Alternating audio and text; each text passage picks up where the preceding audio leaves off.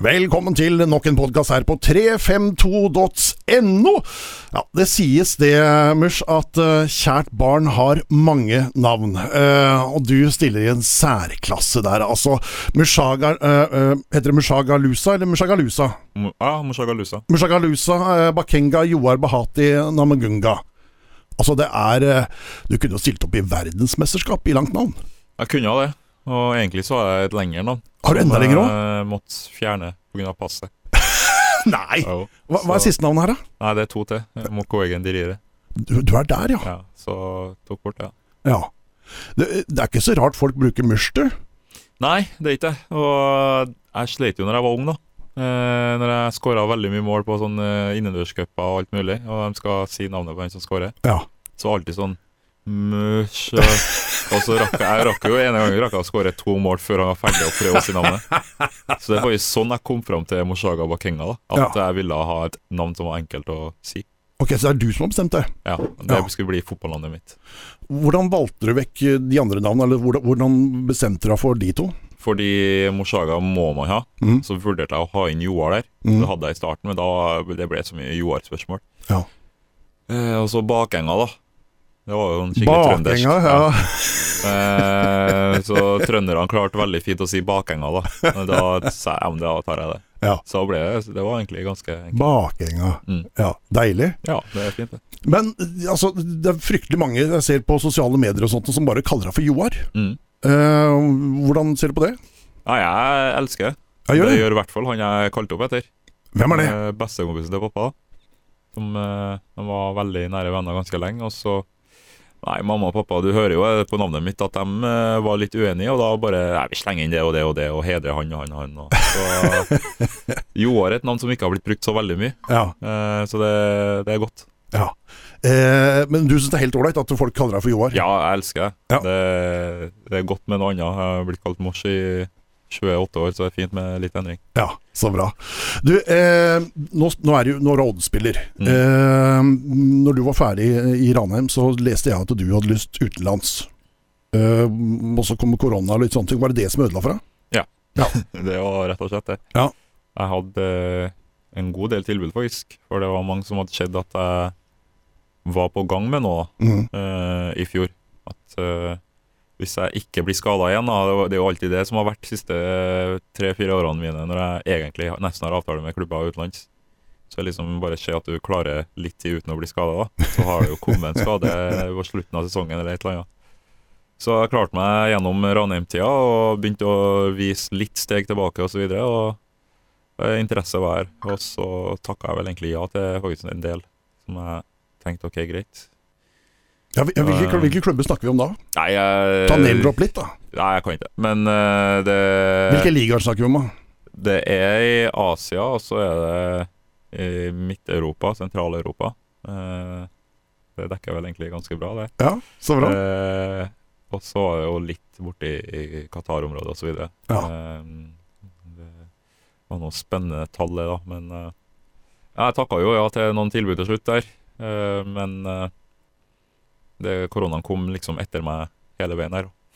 Det skal alltid noen skal ødelegge for deg. Ja, det skal det. Ja. Det, det er litt uh, artigere her. Jeg har satt og tenkt på det sjøl under hele koronaperioden, at det her er jo det her er jo karrieren min de siste årene eh, i, i ett, liksom. Ja. Eh, det ser lyst ut, og så kommer det noe. Så det, det er synd, men eh, det ordner seg alltid. Ja. Eh, hvordan kom kontakten med Odd opp i dette her? Hvordan skjedde det?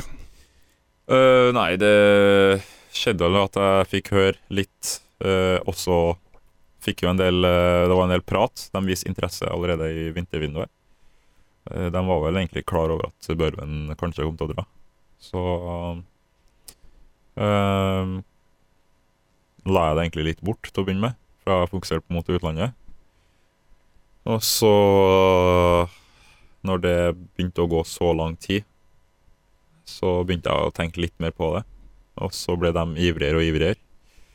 eh, Sammen med noen andre norske klubber, og danske og svenske osv. Men uh, så tok jeg meg en tur hit, da. En hemmelig tur. En hemmelig tur til Skien? Ja. Uh, og snakka med Jan Frode og Morten. Ja. Uh, og det var egentlig den praten der som gjorde at jeg tenkte det, det her kjører jeg på med. Ja. Eh, Hvor hemmelig var det? Altså, var det sånn, Ble du smugla inn nesten, eller? Ja, nesten, vil jeg si. Var det på stadion, eller var det hjemme hos Nei, det eh, ble på stadion, men det var når det ikke var noen der. Og altså, alt som skjedde eh, liksom on the low, da. Det var spennende, det. Jeg klarte å holde meg unna alt og alle. Eh, Helt til en fyr på toget som skulle ha låne lader. Bare Ei du Spurte meg hva gjør du her? Og jeg bare måtte komme på noe kjapt, da. ja. Så jeg bare Nei, jeg har besøkt en kompis. Ja. ja det trodde han på, da. ja, det gjorde det. Og, men han kjørte med den. Ja, så du har ikke, ikke vært og besøkt Odd, da, så det skal ikke bli Odd-spiller? Jeg bare Nei, jeg har bare vært og besøkt en kompis. jeg». Ja. Deilig. Så det det var artig, det. Du, Hvordan trives du i Skien? Trives veldig bra.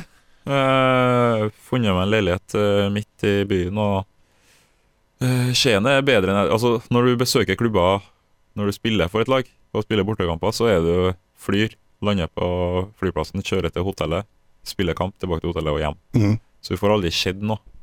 Um, så Skien har overraska meg veldig bra. Og så er det jo mye fine områder rundt òg. Du Mm. har nå Porsgrunn, og du har eh, Tønsberg og Kragerø, og Oslo er ikke så langt unna. Ikke at jeg har fått mulighet til å dra dit så ofte. Men eh, det er Og så er det været her. Jeg Mm. føler jeg er i Syden. jeg. Har vært så lykkelig hele sommer, og eh, det kan være at jeg har bodd i Tromsø noen år og vant til Trondheimsværet òg, men eh, dere er bortskjemt. Ja, ja vi er det. Ja. Ja, ja, det har vært en ålreit eh, Både juni og august var jo fantastiske i år. Ja, jeg trivdes veldig. Og nesten så jeg begynte å se leie båt og, eller kjøpe båt. For det, jeg syns det er helt nydelig her. Jeg har vært glad helt siden jeg kom hit. Ja, så bra. Og så er det fryktelig billig å kjøpe hus her. Det er det. Ja. Det er, det er kanskje det største sjokket. Jeg tenkte kanskje jeg var litt lavere enn Trondheim osv., men så billig, det så ikke jeg for meg. Så skal ikke bort ifra at jeg går bort fra leie til å kjøpe, for det, det er alltid en god investering å, å eie bolig. Ja, I forhold til å kjøpe et hus i Oslo, så kan du kjøpe en hel gate her. Ja, det kan jeg faktisk. så jeg skal tenke på det. Ja. Du, eh, starten i Odd. Eh, du ble henta egentlig som, som eh, en innbytter for Tobias Lauritzen. Mm. Eh, hvordan, hvordan kjente du på den? Nei, altså For første- første var vel egentlig at um, jeg skulle komme for å erstatte Torgeir. Mm. At jeg skulle få tida til å sville meg varm etter koronatida. Um, og så var det egentlig at jeg ble henta ikke som innbytter på Tobias, men som en konkurrent. da Mm. Fordi de sa nå du, Viser du at du er bedre enn Tobias, så spiller du jo. Og det er jo sånn det skal være. Så det var ikke uh, skrevet i stein at Tobias skulle spille, og Mors skulle være uh, backup. Men uh, at det skulle være sånn i starten, det måtte jeg jo, for det, jeg hadde spilt kamp på åtte måneder. Så um, det var mye som måtte på plass fysisk, sjøl om jeg har trent fantastisk godt under koronatida. Veldig stolt over den jobben jeg gjorde der. Ja. Så Nei, det, men det var greit for min del, for det var liksom at jeg skulle få tida òg, da. Det var ikke liksom at du skal inn og nå må du levere med en gang, eller Det var tillit over at uh, hva jeg kan, og hva jeg har vært, og hva jeg, jeg kan bli igjen. Og Mm. så Der var vi på samme talefot. Det var egentlig det som gjorde at jeg kom hit til slutt òg. Så men det var fint det, å komme til en klubb og faktisk få litt tid, og at uh, vi hadde en felles plan. En fellesplan, ja. Ja, det, det trengte vi. for det høres ut som det ikke har vært det overalt. Nei, det er jo ofte at man også som spiller sjøl, da, så tror du jo etter en skade at eh, det går fort, liksom. Eh, Men det gjør jo ikke det. Kroppen har ikke hengt med Og jeg har jo sagt det i intervju før, men eh, det er først nå i august-september at kroppen min kjennes ut som kroppen min igjen. Ja. Siden 2012-13. Det er lang tid. Det er, det er fryktelig langt. Jeg tror det er umulig for folk å skjønne hvor sirup det har vært for meg å spille fotball.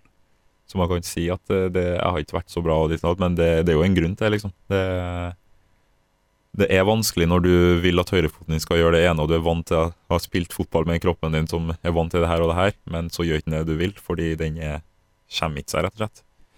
Eh, Jeg har drevet med sykling, eh, eh, og jeg merka jo det altså bare på en 14 dagers sydentur, hvor ræva formen er. Mm. Eh, Bare på den ene sydenturen. Mm. Det må jo være grusom for deg. Ja, ja, det er det. Og det er liksom Jeg har ikke hatt noe sånn korte skadeperioder heller. Det har vært eh, ni måneder, tolv måneder, det har vært eh, tre-fire måneder så jeg har vært heldig, liksom. Så det, det har vært eh, vanskelig. Og ja, man bygger form og er i gymmen og sånn, men det å trene i gymmen og trene opptrening, og så spille fotball, er to helt forskjellige ting. Det er veldig stor forskjell for den julingen man får på en fotballbane. Muskulaturen, altså, den, det er jo helt psycho. Mm. Du, eh, hva er egentlig årsaken, føler du, til at du nå plutselig har lykkes igjen, og at du er den Mush som vi hørte om for eh, tolv år siden?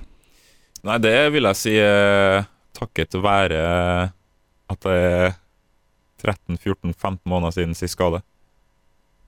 Det er første gangen jeg har vært skadefri så lenge, siden 2012-13. Det er helt vilt. Eh, det, det er helt sjukt. Eh, så det, det tror jeg faktisk er hovedgrunnen. Og at eh, vi spiller bra fotball. da.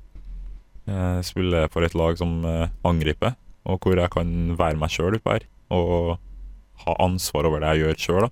Det er ikke så mye retningslinjer sånn, sånn, sånn. Det er gå utpå her, du kan fotball, så bare spill det du kan, liksom. Og blitt kjent med lagkameratene bedre og bedre. Så det er vel egentlig det. Og fortsatt å føle ikke at jeg er 100% men jeg er på vei. Og den følelsen der er god, altså. Mm, Så det er bare å vente og se. Det er mye bra i vente. deilig. Mm. Du, eh, spiss eller høyre kant? Der jeg blir satt, vel svaret man eh, pleier å si, men jeg vil være spiss, ja. Du er spiss. Ja, jeg er best der. Men, men du har jo eh, vidunderlig fart. Eh, kanskje mer før, men, Mm. men det henger jo litt i der. Ja, det gjør det. Og det er jo det som jeg også er veldig stolt over. da. Jeg har røket to akilleser. Det er ikke mange som kan si. Og ryker du én akilles, så mister du 5% fart. Jeg har røket to. Eh, så at jeg har fortsatt fart som en eh, forse, eh, det, det er jeg veldig fornøyd med. Og det vil jeg bruke mer og mer. Mm. Og få tilbake steget enda mer gjennom den treninga vi gjør nå. Så eh, det kan brukes på høyrekanten, og det har jo blitt brukt riktig ved noen anledninger òg, men eh, Du har skåret to mål da, som høyre Ja, det har det, så det er bra uttelling, det. Men eh, jeg kan jo ha brukt det på topp. Eh, og så begynner det å bli eh, hardt eh, å komme inn på laget nå. Altså, nå er det altså da Simovic, Mm. eh, Bakenga og Lauritzen som er spisser. Mm. Eh, for nå kommer Lauritzen tilbake hvert øyeblikk. Mm. Eh, og så går det litt rykter i gangene nå om at uh, Mosanjai kommer tilbake som kantspiller også. Da begynner det å bli en greit uh, med konkurranse på disse plassene på topp. Ja, det gjør det, og det handler bare om å levere da, når man får sjansen. Ja, jeg tror ingen som er fast, fast på laget. For du ser nå Philip. Det er vel egentlig beste eksempelet i år. Han uh, gjorde det jo helt fantastisk. Det var magisk. Eh, det var nesten så vi fikk uh, gåsehud av å se en spill, uh, og spille med en. Eh, og så en liten sånn halvgreie, så er du ute. Mm. Og dem som har kommet inn, har jo tatt vare på sjansen. Og det er sånn det skal være. Eh, har vi den eh, hvor det er folk som føler seg trygge uansett, så blir vi et eh, bunnlag, altså. Mm. Så all ære til Jan Frode for å ha baller til å eh, ikke bare si OK, ja, men han har spilt noen gode kamper, så da er han fast uansett. Det er ikke sånn det skal være. Så det at du, hver gang du går på banen her, så vet du at du må levere, hvis ikke så er du ute. Mm. Eh, sånn skal det være. Det er en eh, tøff verden ute der, og det må man få inn også i de ungguttene her òg. Ja, for, for sånn I utgangspunktet så er det vel egentlig bare Steffen Hage og Espen Ruud som er fast bankers på det laget akkurat nå. Ja, det kan vi si, men det er jo for at de må levere. Mm. Hadde ikke de levert, så hadde de spilt. Nei, nei, selvfølgelig ikke. Så det er jo for at de er så rutinert og stabile at de er fast. Men jeg er ganske sikker på at hvis Espen går en fem-seks kamper og spiller langt under Paris, så er han ute. Mm. Eh, og da har vi nå Kevin og så videre, så eh, her må man bære på hele veien. Og det, det er sånn det skal være i en klubb med ambisjoner til Odd. Hvordan er det å være nesten veteran i en klubb? Altså blant de, blant de eldste? Ja, det Det er rart. Ja. Det er det, det skal jeg innrømme, men samtidig så er det et ansvar som jeg liker òg. Jeg vil eh, hjelpe folk med å lykkes. Jeg vil komme med forslag, jeg vil komme med tips, jeg vil bruke erfaringa jeg har. Jeg har opplevd eh, mye eh, allerede, og så har jeg opplevd de største nedturene du kan oppleve. Så det, det er mye bra jeg føler jeg kan komme med til gruppa og til trenerteamet. Så det er rart, men også bruker man det riktig, så gjør det at du sjøl blir bedre òg, da. Mm. Jeg regner med at uh, før du uh, kommer til Skien og i hele tatt tenker på det, så har du en, en forutdannelse om hva Odd er for noe. Altså en, en, hvordan du oppfatter klubben og, og spillet og spillerne og den biten. Hvordan Mm. har det stått i samsvar med hvordan det er når du først har kommet inn og, og blitt kjent med alle og klubben? Jeg har blitt positivt overraska. Jeg tenkte eh, Odd var et eh, bra lag, eh, men som varierer. Men også litt for mye fokus på defensiv, kanskje. Mm. Men så kommer han hit, og Jan Frode har jo endra mye av kulturen. Det er mer angrep, det er mer frihet eh, i Odd nå, og det ser jo folk som ikke spiller på Odd òg. Så den forandringa Jeg kom på et perfekt tidspunkt sånn sett, da. Eh, for det er helt nydelig å spille på et lag hvor vi får være med og, og bestemme hvordan vi skal spille. Og ha den, det ansvaret og friheten. Det gjør at vi utvikler oss eh, ekstremt bra. Så det, jeg har blitt positivt overraska over hvor mye bra unge spillere det er. Mm. For det, det visste ikke jeg. Det er mye bra som er på vei opp og fram, og som er sulten, ikke minst. Rette innstillingene. For jeg har spilt med mye fryktelig mye gode spillere, men som ikke har den sulten og ikke har den iveren eller stoltheten bak det de gjør. da. Mm. De tror at det bare ordner seg, for det har det gjort hele tida. Så får man jo sjokket, da. Mm. Så her i Odd så er det en kultur og innstilling blant ungguttene som jeg er veldig fornøyd med. Når jeg ser deg spille fotballkamp, så ser det ut som du har det fryktelig bra med deg sjøl om dagen. Mm. Du, du, altså det er noe smil og noe positivitet som det er en stund siden jeg har sett på deg, Mørs. Har jeg lest deg riktig? Det er veldig bra.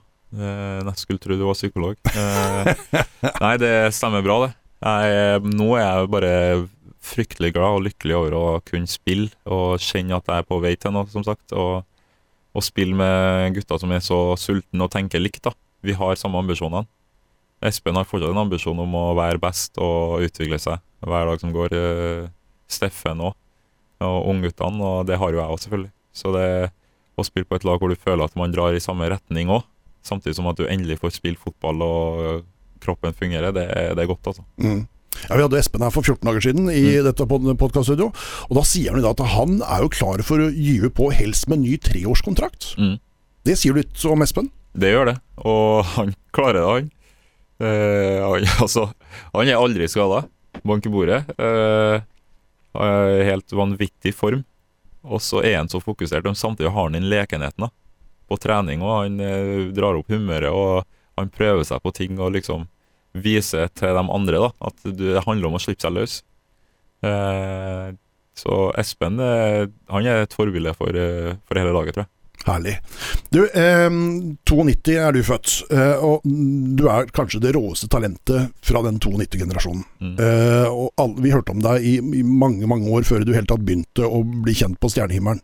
Eh, 16 år gammel, så altså er eh, store klubber i utlandet de ligger langflat etter deg. Vi snakker Chelsea, vi snakker Bayern München, vi snakker Manchester City. Mm. Hva, hva, skjer for noe? Hvorfor velger du Rosenborg kontra de store klubba der? For du var en tur i Chelsea og, og på, på trial også? Ja, det var det. Eh, nei, det var vel egentlig at jeg syns det var tryggere hjem, da. Mm. Eh, så kan man jo si hva det er lurt, hva det ikke er lurt, men for min del så var det bedre med trygghet og familien. For de tilbudene jeg fikk, var jo også skulle bo til vertsfamilie og avstand fra dem som betydde mest fra meg. Mm. Og det kunne ha blitt tøft, det. Så jeg valgte rett og slett av familie. Ryktet vi har til at det er noe annet som gjorde at du blei i Trondheim istedenfor å dra til Chelsea. Ja, det var mye som talte for å bli, da. Eh, så hadde jeg nå fått meg en, en ungdomskjæreste. Eh, som da ikke ville jeg skulle dra, og vi var nå så forelska og var veldig ung, da. Eh, det skal sies. Hvor lenge varte det forholdet, deres? Nei, det var nå ferdig to uker etter. Så Der du har gjort eh, researchen din, ja. Nei, det var Det var en av faktorene til at jeg faktisk valgte Rosenborg. Eh, så sånn gikk det, da. Har du prata med dama etterpå? Nei, Du har ikke det? nei vi møtes vel Har vel møttes iblant her og der, men eh, nei. Uh, har du noen gang angra på det valget? Det har vært øyeblikk. Ja. Jeg skal ikke sitte her og si at jeg ikke angrer, og sånn, men eh, det har vært øyeblikk hvor man tenker at det kunne ha vært kult Ja. å vært i Chelsea. og så Hadde ikke det gått der, så kunne jeg uansett ha kommet tilbake tenker jeg. Men uh, samtidig jeg har utvikla meg som person da, Mm. uh, på en veldig bra måte, syns jeg. da. Eh, og det er av den Rosenborg-skolen som jeg gikk, og å være med familien. Mm. Den dama må ha vært fin, du. Ja, så det var det. Jeg overskåra som vanlig. Du overskåra som vanlig. Herlig. Uh, når du er 17 år gammel, så kommer debuten i Tippeligaen Mm. uh, mot Tromsø. Hvor du er så nære å score som det går an å være, omtrent. Mm. Fortell. Nei, um, det hele starta med at jeg var på skolen den dagen. Jeg skulle egentlig ikke være med. Og så får jeg plutselig en telefon fra Trond Henriksen at uh, du kom deg hjem og møte oss på hotellet og ta på adressen, liksom. Du skal være med i troppen. Og tenkte bare OK, wow.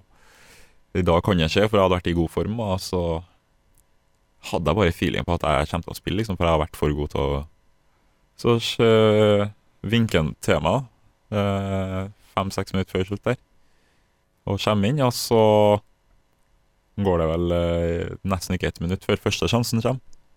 Og så går det to minutter, så kommer neste sjanse. Og så går det ett minutt, så har jeg en sjanse til som stryker stolpen. Så jeg hadde tre målsjanser som jeg skapte, eh, og holdt på å skåre i debuten min. Og det var rett foran kjernen og fullsatt Lerkendal. Fordi tydeligvis, da, som jeg ikke helt hadde fått med meg, men samtidig litt Hadde vi vunnet, så hadde vi jo blitt krona seriemester den kvelden. Ja. Så det kunne ha vært en debut av en annen verden, da. For jeg skulle akkurat spørre deg, hva hadde skjedd hvis du hadde scora? Ja, det, Hamren sa at eh, de hadde jo båret meg på en gullstol ut. Så Nei, det var fryktelig artig, da. Mm. Eh, etter kampen så tenkte jeg bare det her var tidenes motivasjon. For Mm. en, for en følelse det var å være ute på Lerkendal, fullsatt foran kjernen. Eh, og at jeg fikk sånn applaus etterpå, liksom. Og plutselig så var man virkelig i spotlighten, da. Mm. Eh, for det hadde ikke jeg vært heller. Så Nei, det var en fin dag som ga mersmak. Mushskippen, Mm. hva er det for noe? Nei, det er, det, er nesten så du trenger grønnkortet for å få det. Eh, men det er en chip som jeg har uh, designa. Og jeg vil si den slår Messi-chipen. Den er litt vanskeligere enn Messi-chipen. Ja. Eh, men det er nå en chip hvor det utføres med klasse og eleganse. Eh, akkurat over keeperen. Så den er, den er nydelig. Ja, for du har brukt den? Jeg har brukt den opp igjennom, eh, men jeg føler jeg må puste skoen og få den fram igjen. Ja. Eh, For etter hvert så begynte jo keepere å stå, for det ble så tydelig. Men det artigste var vel mot Jarstein, Oi! når han dro til Viking. Eh, Så sa jeg til henne at jeg skulle chippe på han. Eh, Det var vel siste kampen for Rosenborg før jeg ble solgt. da. Og så flirer han bare ha-ha, jeg er forberedt, liksom. Og så kommer det litt sånn flikkflakk inn i feltet der, og så får jeg ballen. Så kommer han. Så chipper jeg ut. jeg tror Jarse var mer forbanna over at jeg chippa, enn at eh, det ble mål, liksom. Så Nei, den, eh, den må fram igjen, for nå tror jeg keeperen har glemt den. Ja, det er deilig. Jeg Mm. gleder meg til å se en J. Ja, jeg. Ja, det hadde vært moro. Du, eh, det går jo veldig bra i Rosenborg, eh, som veldig ung gutt. Mm. Eh, og det blir lagt merke til igjen ute i Europa. Og Hanoffer kommer med et uh, tilbud som Rosenborg bare ler av. Bare sorry, det er ikke nok penger for oss i det hele tatt. Mm. Hvordan føltes det? Nei, jeg var veldig avslappa til å begynne med. Jeg gikk nå fortsatt på skolen. eh, og slappa av og nøyt livet, egentlig. Men så begynte jeg å tenke meg om, da. Det her er ikke eh, så dumt. Og plutselig så Hanover var virkelig så gira, da. Og da spilte han Moa der òg, og han var veldig sånn positiv. Og... Så da skrudde de opp, da. Og de gønna på og gønna på, slutt så tenkte jeg ikke greit, jeg er klar til å dra, liksom. Så jeg hadde jo alltid pakka tingene mine, jeg var klar til å dra når som helst. Så til slutt så kom de jo med det tilbudet som Rosenborg ville ha. Mm. De kom og møtte Rosenborg på- nede i Marbella der, og jeg, tenkte, jeg fikk høre fra agenten min at det ordner seg nå, for nå kommer de med det ville summen som Rosenborg ville ha. Mm. Og så tar det litt lang tid med Rosenborg. eh, De håndterte det veldig dårlig, ja. Som gjorde at Hanover til slutt gikk lei Mm. eh, og ringte meg og sa sorry, men eh, Rosenborg, du må bare skylde på dem. For det, det har gått for tregt, og det er mye fram og tilbake, og vi kommer med det de vil ha, men de ber oss vente fordi Klubb Brygge kom med, med bud på Markus. De vil ha ikke selge meg og Markus samtidig. Og da Rullegardinene mine gikk nå ned, da. Ja, for Hvordan oppleves det? Nei, det var tungt, ass. Altså, så, så, jeg så glad som du egentlig er i Rosenborg og Trondheim, og, og så oppfører jeg på en måte sånn overfor deg? Nei, jeg følte det var ganske urettferdig og rart og Liksom, det siste jeg hadde gjort, var jo å sikre Europa, medalje i Europa, og Jeg vet ikke. Det er sikkert rart å høre fra en ung gutt, men alle signalene var at jeg skulle få dra nå. Og jeg gleda meg sånn. Og når du begynner å se for deg ting og eh, nesten begynner å lære deg tysk Og så ender jeg opp med at de kjøper Mambiram Diof, da. Som da gjorde det ganske bra der òg. Mm. Og den fotballen de spilte, og treneren Jeg visste at treneren hadde fulgt meg med og ville ha meg, liksom. Så det, det var tungt, og det klarte ikke jeg å riste av meg så dagen etter. Eh, på trening gikk jeg og sto her. jeg, bare, jeg klarte ikke. Og så ble det jo veldig mye virksomhet på kvelden her, da, for da Klubb Brygge bestemte seg for at eh, de ville ha meg òg. Og da var det greit for Rosenborg, da. Mm. Eh, For da kom de med en sum som de var fornøyd med, og da tenkte jeg egentlig at eh, jeg må bare dra. Så jeg rakk egentlig aldri å tenke over hvor du bruker så veldig mye. Sånn Fordi at altså, eh, et godt lag i Bundesliga eh, kontra et eh, ålreit lag i belgisk liga altså, For meg så høres ut som et skritt ned. Ja, både ja og nei. For jeg tror folk har et feil bilde av den belgiske ligaen. Det var det jeg fikk høre òg. Å, herregud, drar du til bakgårdsklubb? Mm. Bakgårdsklubb eh, spiller Europa Champions League og har budsjett eh, mye høyere enn alle lagene i Eliteserien sammen, liksom. Mm. Så Og når jeg kom dit, så Jeg visste det var bra, men det var jo sykt bra. Og det Brøyne var her ennå, og Benteke og nesten eh, hele belgiske landslaget som skjer nå, spilte i Så du, Belgia. du har spilt med De Bruyne, du altså? Mot, i hvert fall. Hvert fall mot, ja. Ja. Så det var Det var Fortsatt så er Bundesliga høyere. Eh, og Hanover, som var topplag på den tida òg. Så selvfølgelig så var det litt ned. Men jeg tenkte nå, ok, greit, da får jeg ta den her nå, og så får jeg heller kjempe meg tilbake til Hanover. Hvordan var det å flytte til Belgia? Nei, da var jeg vel 18-19 år, da. Uh, På høyden av din karriere. Altså da, Ja. da alt lyste da, rundt Ja. rundt eh, Mors. alt gikk veldig bra. Og til slutt så gleda jeg meg, men jeg, altså, jeg hadde fortsatt den sure smaken angående Hanover. Mm. For det føltes som den perfekte matchen. Mm. Så tenkte jeg nå bare ja, ja, jeg får prøve Bryggen, da. Eh, fordi de Jeg var jo veldig i tvil. Jeg og Henriksen var like mye i tvil. Men så får jeg høre at det er treneren som vil ha meg òg. Treneren, treneren, treneren, han skal bruke deg, og han er gal etter deg, og sånn, for de så at jeg var veldig i tvil. Og så tenkte jeg greit. Hvis treneren vil ha meg, så signerer jeg. Mm. Så kommer jeg noen dager etterpå, så eh, Første dagen på trening, så går han rett forbi meg. Og det var Christoph Daum, da. En tysk eh, trenerlegende. Helt gal. Eh, og så går han forbi meg, rett forbi meg igjen, og så spør jeg Tom Høgli var jo der. Så spør han hva er som skjer, liksom. Han bare nei, det, han er litt sånn. Så skal vi begynne møtet før eh, treninga, og så begynner han å snakke, og så ser han på meg. Så sier han bare Who are you? Og jeg bare flirer litt sånn eh? Nei, jeg er nå Mors, da, den nye spilleren, liksom. Han bare Har vi en ny spiller? Og da var jeg dyreste kjøpet til Klubb Brygge på TR. Det har vi fått med seg. Og så klikker han i ti minutter og slakter styret og alt sportsdirektør, alt mulig, for at hvordan skal de hente spillere han ikke vet hvem er og ikke vil ha? Og så går det opp for han at Hvor er Nabil Dirar, da? Favorittspilleren hans? Nei, han har blitt solgt til Monaco. Og hva har de solgt favorittspilleren min og kjøpt en jeg ikke vet hvem er? Og og helt sånn Og jeg kom, husker jeg kom rett fra preseason, da.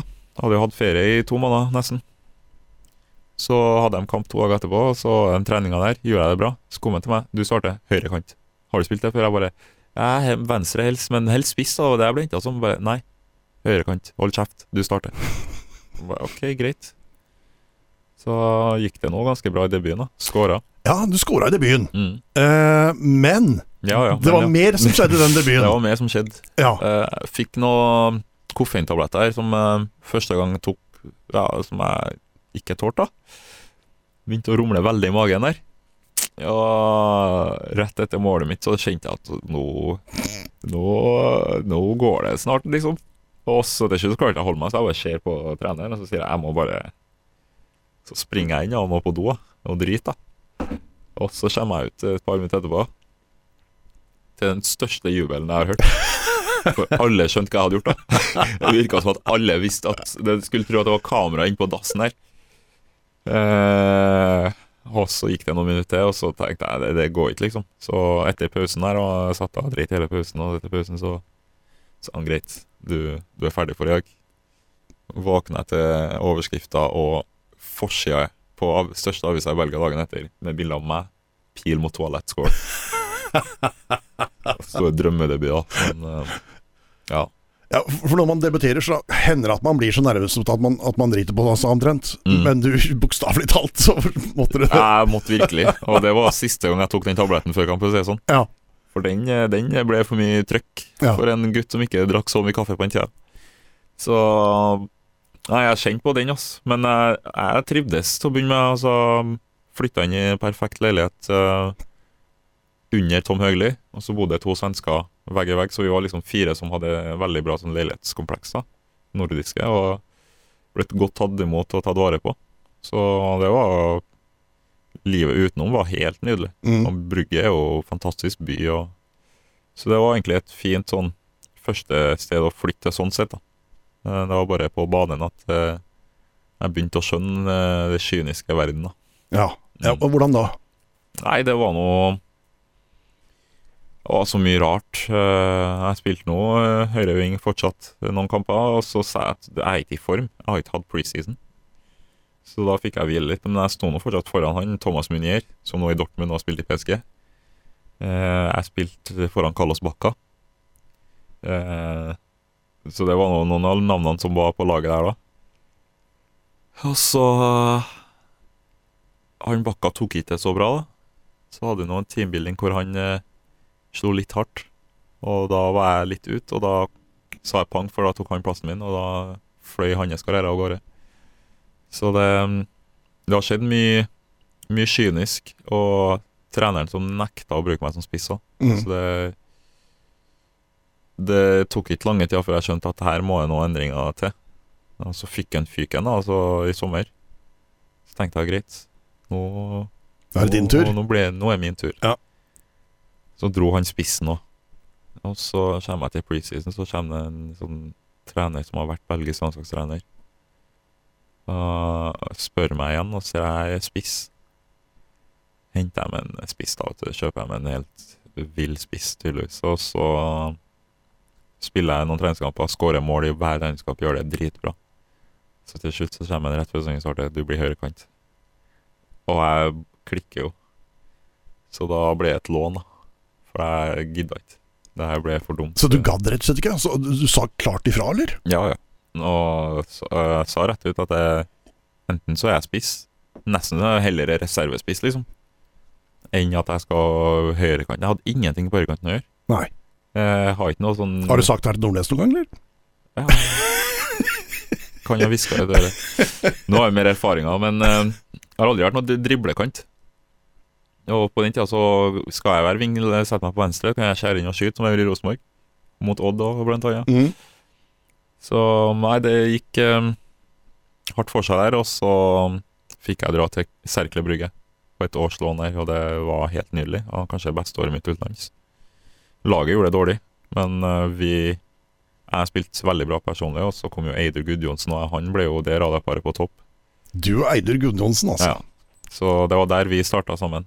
Så, og da hadde vi jo William Carvalho, sentrale midtbanespilleren til Portugal. Han var jo der da. um, og han var jo Ting gikk ikke så bra, da, så jeg hjalp ham jo ofte og gikk og kjøpte inn mat sammen og alt mulig, da. Eh, var litt som en storebror for han, skal jeg si.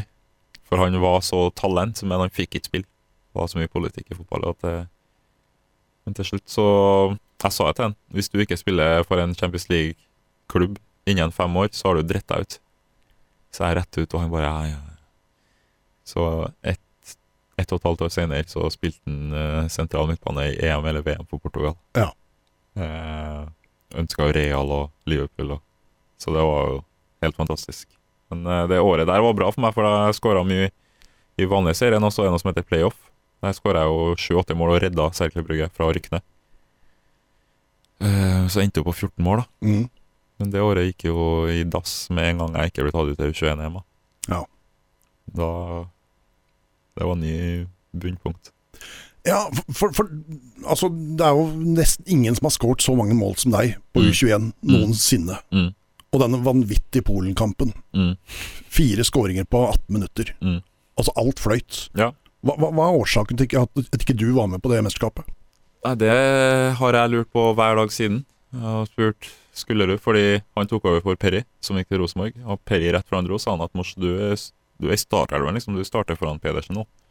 Nå er du så god og skårer så mye mål. Og jeg, jeg tenkte jo ja, selvfølgelig skal jeg spille. Kommer Toro inn og kommer og ser meg spille, jeg skårer to mål den kampen han kommer og ser på. Jeg tenkte det her er jo helt tydelig. Og så plutselig så ringer han meg når uttaket skal komme. Og tenker jeg liksom ok, nå skal han liksom Jeg var ute og spist og, og god stemning. Eh, Morsa ringer for å si at du ikke er med. Fordi jeg trenger litt mer eh, spillere som kan spille i forskjellige posisjoner på topp. Både venstrekant og spiss. Ja, og det kan ikke du, eller? Og det var det jeg hadde gjort. Og da skulle han heller ha med Flamur, da. Og jeg bare la på.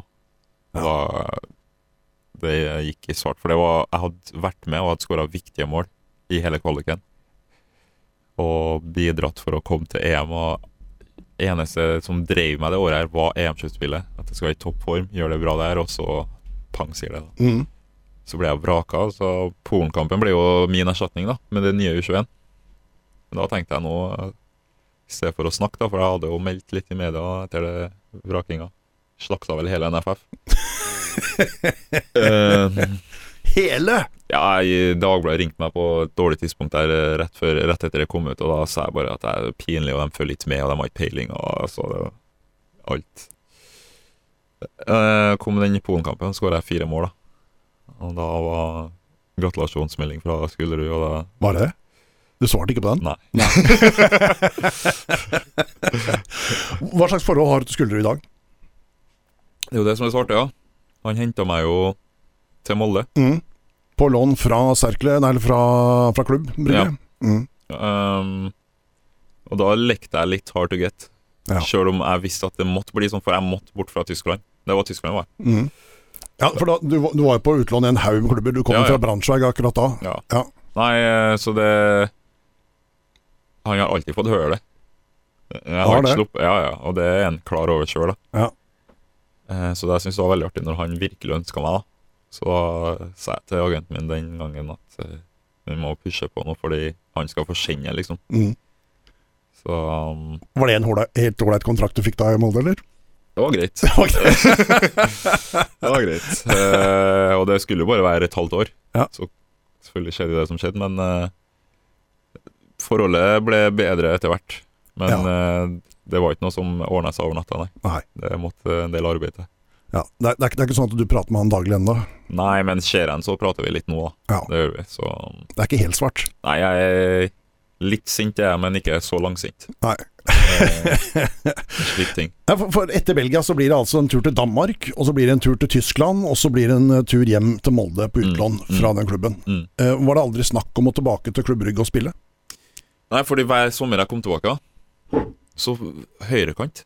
Det var helt vilt. Det var liksom Nei, høyrekant.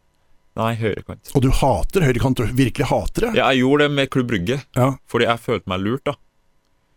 Eh, og så finner jeg ut at jeg har jo blitt lurt fra starten av, eh, med både kontrakten og det med trenergreier. Altså det ble så Det ble så mye, da. Mm. At jeg følte virkelig at eh, jeg mistrivdes, liksom. Ja, For det er jo spesielt altså når du får greie på at det er treneren som vi har, er treneren som har tre altså, den hele tida, så kommer du på første møte, og så vet den søren ikke hvem du er engang. Nei. Nei, så det, det var Det ble liksom utvikla seg til å bli rett og slett en uh, dårlig greie mellom meg og, og klubben, og så den agenten jeg hadde på den tida. For det syns jeg var litt dårlig Mm. veiledning. Det hadde vært bedre for meg å bare sagt nei da, og blitt i Rosenborg og så dratt til Hanover seinere, senere, da. Eller et eller annet, liksom. Eh, Så jeg ble egentlig ganske bitter, da. etter hvert. Og de ville jo ikke slippe meg, for de hadde betalt helt vanvittig mye penger på meg. 20-28 millioner, liksom. Så de ville jo ha tilbake litt, men ingen av klubbene ville ha betalt. Så det ble jo lån på lån på lån. da. Um, Tyskland var vel Danmark var veldig bra. Spilte Europaliga. Uh, men så begynte jo skada der. Og så dro jeg til Tyskland. Det er veldig bra. Elska det. Eh, beste landet jeg har spilt fotball i. Ja, Hvordan da? Stemninga. Det er, det er noe annet å spille fotball i Tyskland kontra andre plasser. Sikkert i de store klubbene i Tyrkia sånn, men det, den stemninga og den kjærlige fotballen, men også den fotballen, da. Altså, det er så mye trøkk. Det er så mye sprenging. Det du aldri vært i så god fysisk form egentlig ja, enn jeg var da. Fikk jo sjokk i første treninga. Jeg lå jo skalv på gulvet. Sovna på gulvet den dagen. Gjorde jeg. jeg klarte ikke å komme meg opp. Så Nei, det var veldig bra, helt til treneren kjørte noe mentalt spill, da. Um, som satte meg helt ut. Ja, Hvordan da? Nei, det var bare sånn Det gikk plutselig litt trått med laget, og så tok jeg meg inn til et møte. Så sa han at jeg var litt for blid, da. Du var for blid? Ja. Han ville se meg litt surere på trening, og litt surere generelt. Litt som at jeg, jeg er for blid. Tenkte jo det var jo en sinnssykt spesiell ting å si, da. Å ta, noen, ta meg personlighet. Da. Jeg er jo en glad fyr, liksom. Mm. Og så går det noen uker, det går ikke så mye bedre.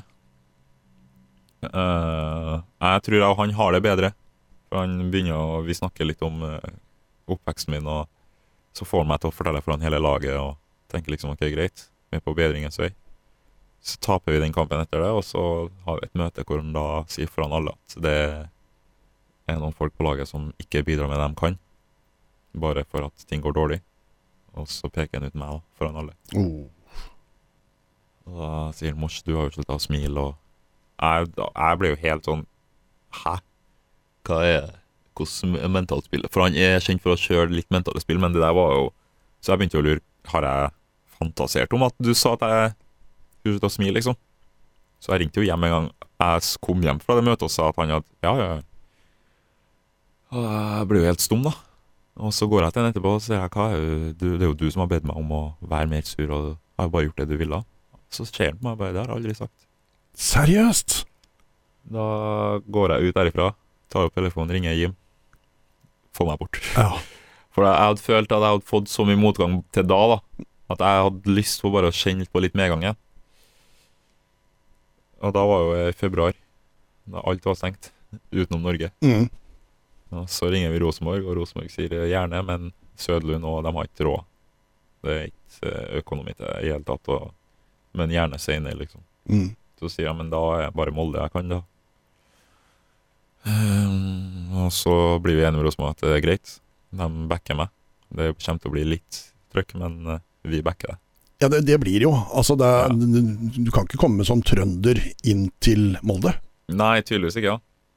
Uh, så da Jeg var forberedt på det, men Rosenborg skulle jo Vi skulle jo få klar saken med en gang. Men så er det journalister. Det var noen som bare la ut at jeg da er på vei til Molde. Jeg har fått vite det fra et sted, og så Før vi fikk bekreftet overgangen, før Rosenborg fikk komme og støtte meg Altså den planen vi hadde lagt, da gikk jo helt i grus. Ja. Så foreldrene mine som må da stå opp og se Adresseavisa, eh, forsida av meg hvor det står Quisling, og Oh. eh, de fikk hatmeldinger. Jeg fikk jo drapstrusler og meldinger fra alt mulig, liksom. Ja, Og det her vet jeg knekte min far og mor helt, da. Og Ja. det er det som var tungt for meg, da. Så det, det, var, det var tøft. ja, for, for den drapstrusselen, hvor reell var den? Altså, Vi har, har jo lest om den. Altså, Ja, det var det, annen, det. Det, det kom, kom via, via eh, Instagram Ja. eller et eller annet sånt noe? Ja, det var før eh, Molde skulle spille mot Rosenborg eh, etterpå. Ja. Uh, Seinere på, på Så, høsten. så du har fått flere drapstrusler Ja, ja. av trøndere ja. fordi at du spilte i Molde? Eh, når jeg dro dit, fikk jeg øst og vest. Ja. de tviste meg i byen igjen, for da skulle begge beina knekkes. Så det var ikke måte på. Eh, men eh, som sagt, det tyngste for meg var å vite at foreldrene mine virkelig, virkelig, virkelig tok det her tungt. da. Ja. Um, men tenkte, kom an. Så min bekymring var jo dem, men jeg sa nå, vi kommer oss gjennom det her nå. Nå skal jeg bare spille her et halvt år. Og så har jeg allerede god prat med noen store klubber. Mm. Skal bare hjem og vise litt, og så stikke, da. Så det skulle egentlig bare være fire måneder i Molde. Så ryker jeg jo akillesen, da. Ja, så ryker akillesen, da. Så, og da var jo også masse meldinger, selvfølgelig. Ha-ha, og folk var så glad for at jeg skada meg. Hva tenker du om det? Om drapstrusler og at folk Ja, jeg tenker ler av mennesker er Det finnes mye rart. Det finnes eh, mye bra mennesker, og så finnes det noen som uh, trenger hjelp, da. Mm. Og de tilhører den siste kategorien. Men det blei jo noen anmeldelser og greier av dette drapstrusselen og det som kom inn. Mm. Skjedde det noe mer rundt der, eller? Eh, ja, jeg tror det skjedde litt, fordi Flere av de drapstruslene jeg fikk, var fra folk som allerede var i søkelyset. oh, ja. Det var ikke så smart ut. um, men da sa jeg bare at dere får bare ta det videre. Eh, det eneste som jeg virkelig ble involvert i, var den før Rosenborg-Molde. Og Molde sa liksom at vi må sette ned foten for å vise et eksempel, og da ble jeg enig. Da ble jeg liksom, ja, vi må faktisk det. Mm. Kan ikke holde på å bare skrive eller true folk. Så da um, eh, endte vel opp med at han ringte meg, han fyren, da. For å liksom beklage, men jeg sa bare Jeg var egentlig ganske care. For jeg var sånn Ja, jeg hadde lyst til å skjelne ut, liksom. Mm. Men jeg tror det endte opp med at han ble Jeg vet ikke hva straffa ble, men det ble vel litt, ja. ja, men det er ikke helt greit, tenker jeg. Jo, det er det. Og Ja. det var derfor jeg Han ville ringe meg for at jeg skulle liksom snakke godt for ham og si Ja. at han har beklaga seg, men det gjorde han bare for at han fikk beskjed om det. Selvfølgelig. Så det, for meg så var det Jeg tenker det var helt greit, jeg. Ja. Du, eh, du starta karriera di i Nasjonal mm. i eh, Trondheim. Og, og, og da hører vi altså sn- snakk om, om sånn 12-13-14 år gammel gutt som skårer 50 pluss hvert eneste år. Ja. Hva slags gutt var Mush Bakenga på den tida der? Han var mye av samme som i dag, livsnyter. Var bare glad i å være med vennene og familie og ha det artig. Det Bare det viktigste var å ha det godt, liksom. Mm. At de rundt meg hadde det godt, og at jeg hadde det godt. Så det var egentlig det det gikk i. Og det var sånn, Bestekompisen min slutta jo når jeg var tolv. Slutta han å spille fotball når han ble lei. Da slutta jeg òg. Å ja. Såpass, ja. Og da ble det jo helt sånn rabalder i nærområdet her. Nei, nei, nei, du skal ikke slutte. Du, du, må, du, du må spille. Eh, drit i han kompisen, liksom. Du må spille.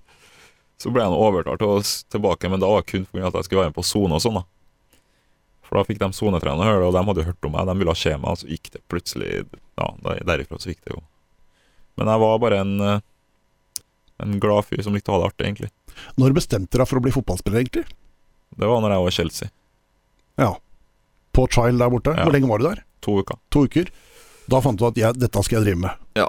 Det var fra starten, egentlig, fra vi kom dit, og han sjåføren henta oss i den syke bilen og eh, dro til anlegget.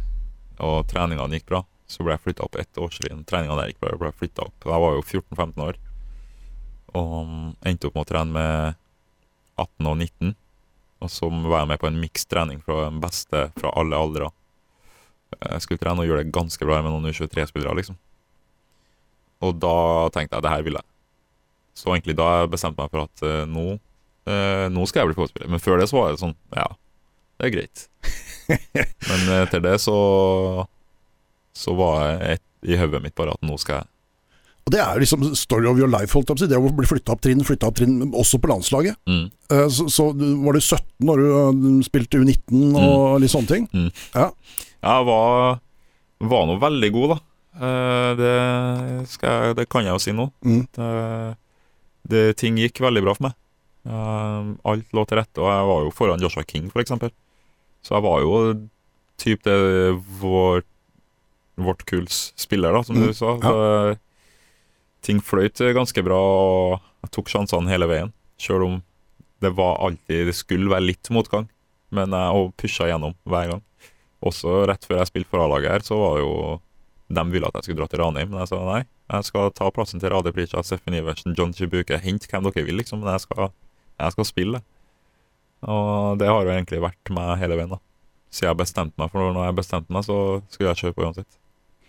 Når du har blitt henta til klubber i Norge etterpå, altså i Tromsø, utlånt til Ranheim, begge de to stedene så har jeg lest intervjuer med deg hvor du liksom får et veldig press med en gang. Mm. Eh, altså Nå har du henta en eh, Frelseren som kommer, nå, nå blir det helt ko-ko her. Eh, I Tromsø skulle det være det nye russfeltet og Lange, og altså eh, Her kommer det til å være helt sinnssykt med skåringer og ta helt av. Eh, hvordan er det presset å få på seg hele tiden? Jeg har jo et press på meg sjøl, da.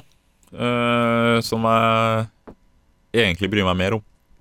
Men selvfølgelig så er det mer enn tankene at folk tror jeg skal være der med en gang. Og det skjer av og til. Men eh, det er ytterst sjeldent, og i hvert fall når man har hatt så mye skader osv. Så, videre. så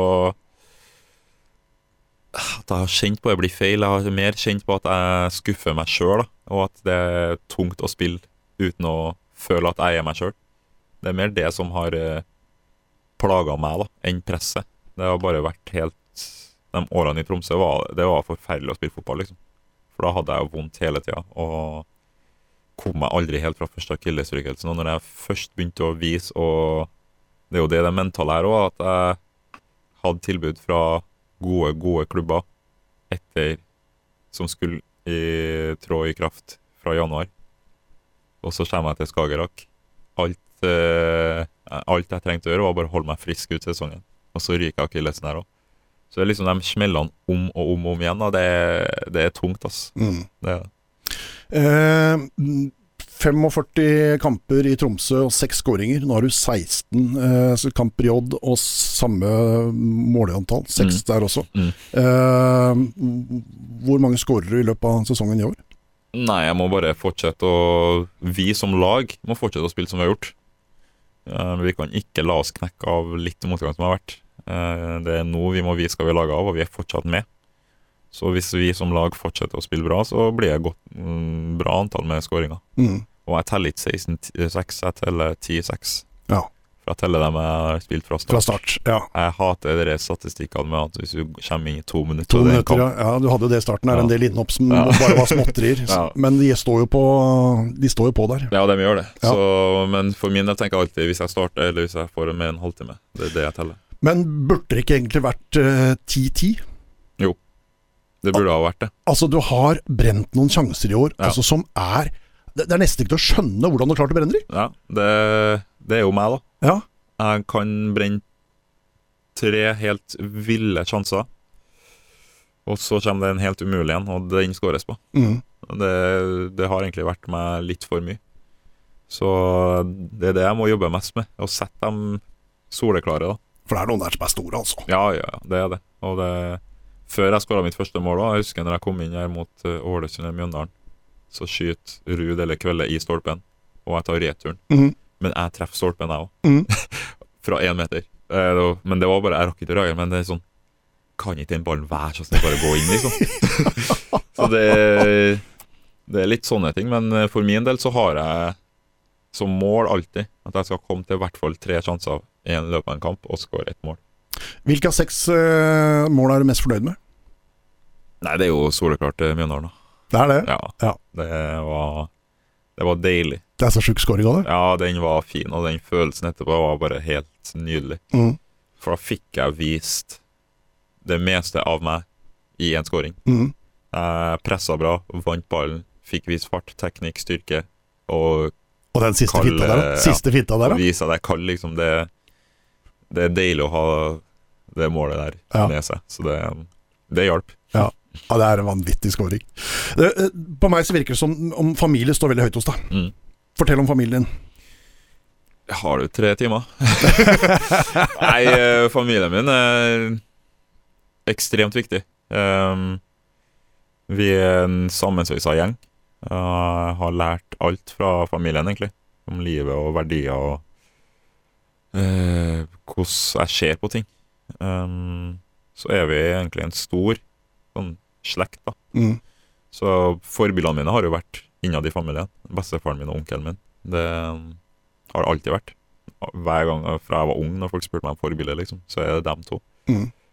Så nei, jeg setter familien veldig sterkt. Og så er det noe med den når vi har hatt det vi har hatt òg, flykta sammen når jeg var kid der. og tror ikke det er så mye som knytter en familie så sterkt som å å springe fra å være svartelista. Eh, 70-80 personer, masse barn, og klarer seg gjennom det. da. Mm.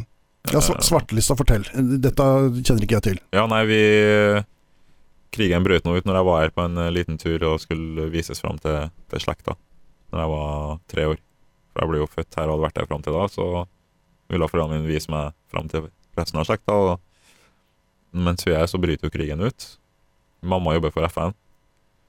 Onkelen min er onkelen min og har allerede da uttalt seg veldig mye om det som foregår med eh, voldtekter og kriger og hvordan selskapene og korrupsjon. og andre onkelen min var politiker som sa hardt ifra imot hvordan ting ble drevet. Begge besteforeldrene mine, to største pastorene i Kongo, som eh, har masse folk, men eh, ikke vil bli bestukket til å be folkene om å stemme det her, eller se bort ifra det her. Så vi, en, eh, vi er en veldig sterk familie i Kongo, og vi måtte bort, da. Så da ble jeg sendt ut svartlista fra forskjellige terrorgrupper, og øverst på alle så Mukwege Namgonga. Det er såpass, ja. Så da var det bare å flykte, da. Um, og det gjorde vi nå i ha- ett og et halvt år, to år. Uh, flykta høyre, venstre, bodde på forlatte gårder, skole Alt mulig, liksom. Mista hverandre. Det skjedde så mye sykt i løpet av den tida her. Så Men husker du noe av dette, eller er det ting som har har blitt fortalt? fortrengt det meste. Og jeg husker, det jeg husker, da, det er det som jeg derfor elsker familien min òg, er at jeg hadde det artig. Mm. Eh, og spør du alle av vi som var barn på den tida her, vi ble aldri helt sånn at vi skjønte helt alvoret, fordi de gjorde det sånn at vi hadde det bra og kosa oss. Vi kunne gå gjennom en hel dag og spise eh, bare kjeks, for det var det vi fikk tak i den dagen. Men når vi spiste kjeks, så var det dansekonkurranse for at den som vant dansekonkurransen, fikk to kjekser. eh, og spilte fotball hvor vi laga ball av eh, poser og tau. Og spilte på ja, grus, gress, hva enn vi fant, og brukte sånne sko til mål. Altså det For min del så var den tida her en Jeg ser tilbake som en artig tid. Mm. Og det er sånn Søstera mi ble født, så vi måtte midt i det her. Pappa ble kidnappa mens han skulle gå og ta ut noen papirer for hun. Vi får en melding om at vi må kjappe oss bort derifra. Fra onkel. Mamma rett fra fødsel kjapper seg. Sett, vi setter oss i en bil, kjører 15 minutter på, så blir den i det sykehuset bomba. Altså, det er sånne ting. Og vi mista pappa i tre, fire, fem måneder. Visste ikke hvor han var. Tilfeldigvis så finner onkelen han når han blir frakta gjennom sånn flyktninggreie, men han måtte jo passe på, så ga pappa kjapt litt penger der. Og så pappa fant fram til oss. Jeg kjente den ikke igjen. Da hadde han vært borte så lenge og holdt på å sulte til døde. Så han var mye tynnere. Så jeg så ikke hvem det Jeg skjønte ikke hvem det var som kom, jeg husker jeg. Alle andre ungene sprang til sine foreldre, men jeg Jeg bare så på pappa hvem er han her, liksom. Så det skjedde så mye den tida her, eh, og vi kom så sterkt fra det. Så det er mye sånne ting. Og så er det bare verdiene, da. Mm. Jeg elsker at vi er så åpne, og det er liksom glede og kjærlighet som er nummer én fokus også. Så det, det er noe som jeg vil ta med videre.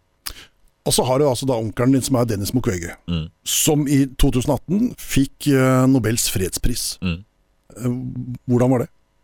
Ja, det var stolteste øyeblikket i mitt liv. Ja. Det var helt nydelig.